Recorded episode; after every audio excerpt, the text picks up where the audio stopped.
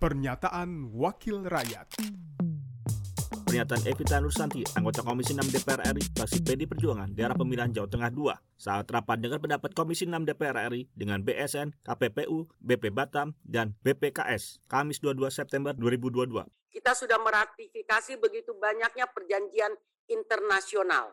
Langkah-langkah apa yang dilakukan BFNN, BSN ini di dalam mengikuti ratifikasi yang sudah kita tanda tangani ini, Pak. Sekali lagi saya selalu mengingatkan Jangan sampai ratifikasi ini justru bermanfaat bagi negara lain, tidak bermanfaat bagi kita.